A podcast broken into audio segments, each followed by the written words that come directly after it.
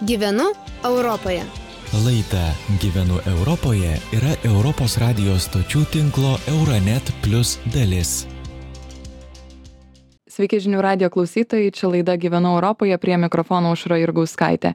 Keliamos palūkanos gelbėja ar skandina ES ekonomiką? Tokia šiandien mūsų laidos tema, nes Europos centrinis bankas praėjusią savaitę dar kilstelėjo palūkanų normas ir greičiausiai ne paskutinį kartą. Tad ar ši politika veikia, mes ir padiskutuosime, o mūsų pašnekovas yra Kauno technologijos universiteto ekonomistas profesorius Rytis Krušinskas. Sveiki. Sveiki. Tai pirmiausiai, kokią jūs diagnozę rašytumėte europos sąjungos ekonomikai šiuo metu? Na aš manau kad diagnozė yra tokia kuri verčia susirūpinti imunitetu ir jį stiprinti. Ir manau kad mes jau iš tos ligos kuri vadinasi susijusi su pandemija su karo šoku einame po truputį sveikstame. Ar norėtųsi kad procesai vyktų greičiau? Manau kad taip. Yra visiškai natūralu bet ar mums lietuvoje visi vaistai tinka kurie kurie ir europoje naudojami na aš sakyčiau turbūt su tam tikrom išimtimis. O kodėl taip yra? Todėl kad na europa euro zona galbūt jeigu dar labiau patikslinti išsikėlusi sau tikslą sumažinti infliaciją iki tų norimų trijų procentų ir tai veiks tikriausiai kai kuriom šalim ypatingai kalbant apie europos sąjungos taip vadinamas senbuves arba didžiąsias šalis.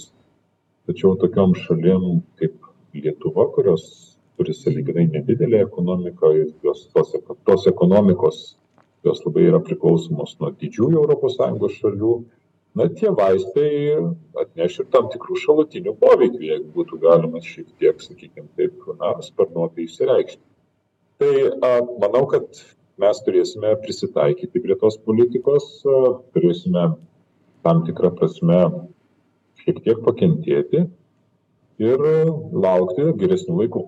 O kodėl būtent pas mus turėtų kitaip suveikti šitos priemonės lyginant su kitom valstybėm?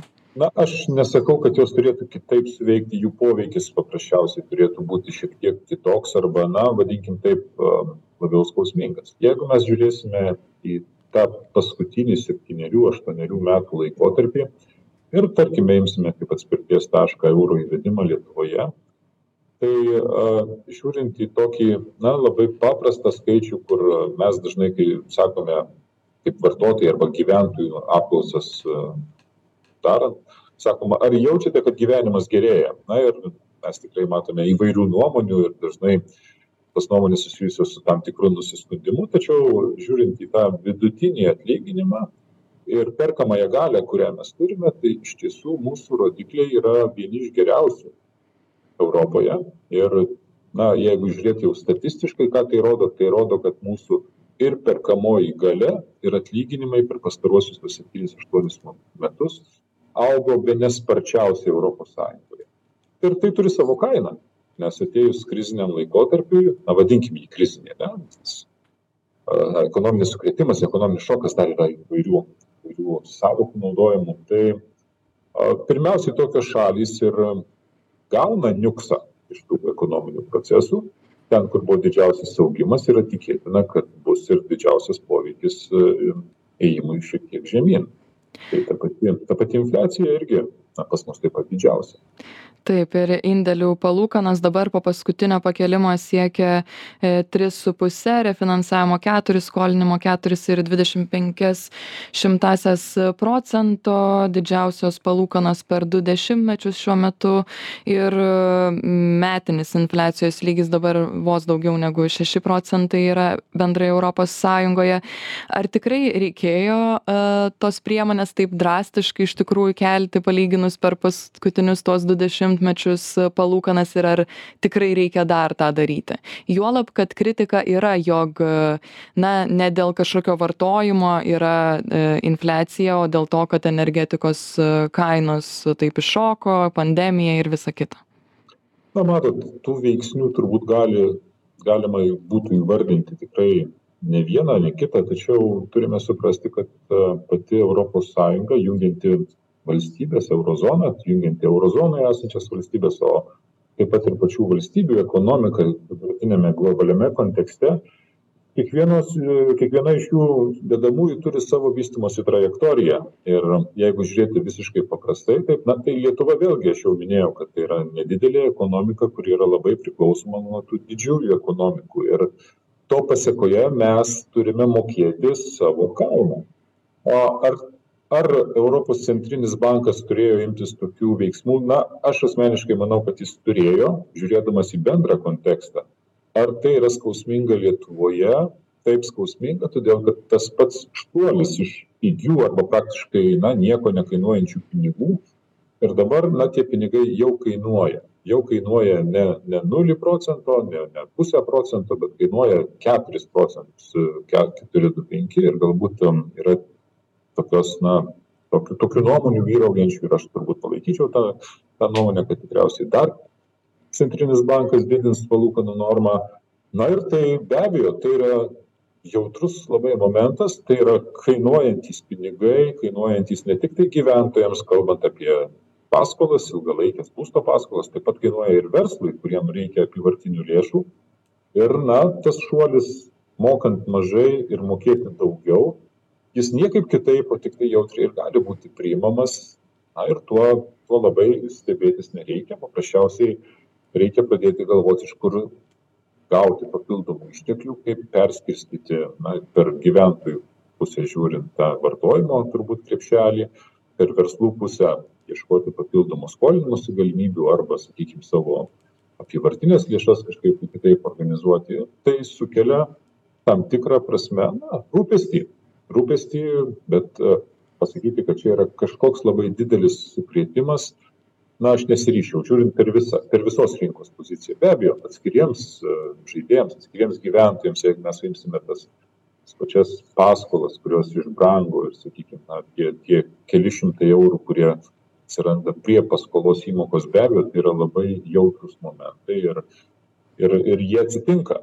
Bet kaip gali būti kitaip imant ilgalaikę paskolą niekas negali garantuoti jog paėmus ilgalaikę paskolą palūkanų norma ekonominė situacija visą laiką bus tiktai gerėjanti arba bus tokia pati stabili. Tai yra rizikos elementai ir juos reikia savo veikloje įvertinti Dalis ekonomistų, bent jau bankų ekonomistų kalba, matantys lūkesti, kad kitąmet jau netgi galėtų ir mažėti tos Euriboro palūkanos. Ar jūs irgi tą matytumėt ir ar čia tuomet irgi nereikėtų tikėtis, kad iš karto nubrauks kokius 3 procentus?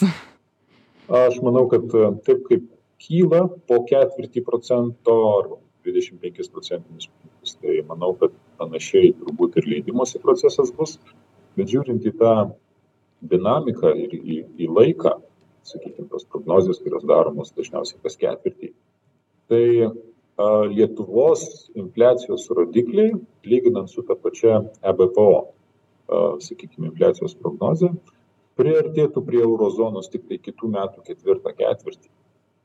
Ir na sakykim taip ar pati europa arba europos centrinis bankas vat kada jis jau pajus kad tikrai reikia daryti atvirkštinius veiksmus negu vyksta dabar aš nemanau kad tai bus anksčiau negu kitų metų antras pusmetis kodėl todėl kad tokia Jūs pas... sparčiau negu leidžiasi ir tas pats yra ir su infliacijos tempais. Mhm. Ir pabaigai tuomet e, keliamos palūkanos čia apibendrinimui pagal mūsų laidos temą. Jos gelbėja ar skandina europos sąjungos ekonomiką? Iš jūsų girdžiu kad tarsi nėra nieko dramatiško bet mes dar esame vis neapibrėžtoje situacijoje dėl karo vykstančio ukrainoje kurį sukėlė rusija ir na tos energetikos kainos dar nėra visiškai aišku kas su jomis gali vykti toliau. E, tad koks tas blogiausias galimas scenarijus? Matote aš galbūt pabandysiu apibendrintai pasakyti taip. Na europos centrinis bankas nesiima veiksmų kurie neturi savo pagrindimo ir nesiima veiksmų kurie kurių jie nepabando prognozuoti jiems. Mes kalbame apie tai kad na užsitęsęs pandemijos efektas karas energetika. Šiais metais tikriausiai lietuvoje bus nemažai kalbų ir toliau apie tai kad sausra daro savo ir ir turi maisto produktai brangti bet turime suprasti kad tai yra gyvenimas kuo toliau tuo daugiau bus įvairių iššūkių ekonomikai. Mes turime vystyti savo ekonomiką ir ir turbūt kiekvienas gyventojas turėtų na tą tokį atsparumą galimiems sukrėtimam turėti per įvairias priemones susijusias su finansinio raštingumo vystymusi tačiau aš manau kad a tai ko mes galėtumėm na visi dar kartu pasimokyti tai pasitikėti sprendimų priėmėjais ir valstybe nes na tie sprendimai kurie yra priimami šiuo atveju centrinio banko jie yra pamatuoti. Ar jie pamatuoti konkrečiai lietuvai? Na čia galėtumėm diskutuoti nes lietuva kaip sparčiausiai augo taip ir šiuo metu didžiausius infliacijos tempus ir na labai norėtųsi tikėti kad tos prognozės kad mes jau šių metų ketvirtą ketvirtį išlipsim iš dviženklio skaičiaus bet na turiu omeny kad infliacijos metinis skaičiuojamasis tas tempas bus mažiau negu dešim procentų. Jau yra tam tikra prasme mums gera žinia bet su kuo mes palyginsime? Jeigu mes palyginsime su ta pačia euro zona ten tis tas skaičius apie dešim procentų buvo maksimalus praeitų metų paskutinį ketvirtį. Tai šioje vietoje lietuva turi savo kelią savo kelią turiu omeny europoje pasaulyje. Mes turime vystyti savo atsparią ekonomiką sukrėtimams ieškoti inovatyvumo savo procesuose na ir tokiu būdu bandyti laviruoti pasaulyje. Ar mes tai galim? Mes tikrai tai galim padaryti. Ar skundžiantis padarysime daugiau? Manau kad daugiau padarysime tiktai susitelkę ačiū jums labai už jūsų skirtą laiką kauno technologijos universiteto ekonomistas profesorius rytis krušinskas bendravo su mumis laidoje gyvenu europoje jos įrašą rasit mūsų svetainėje žinių radijas taškas lt iki Gyvenu Europoje. Laida Gyvenu Europoje yra Europos radijos stočių tinklo Euronet Plus dalis.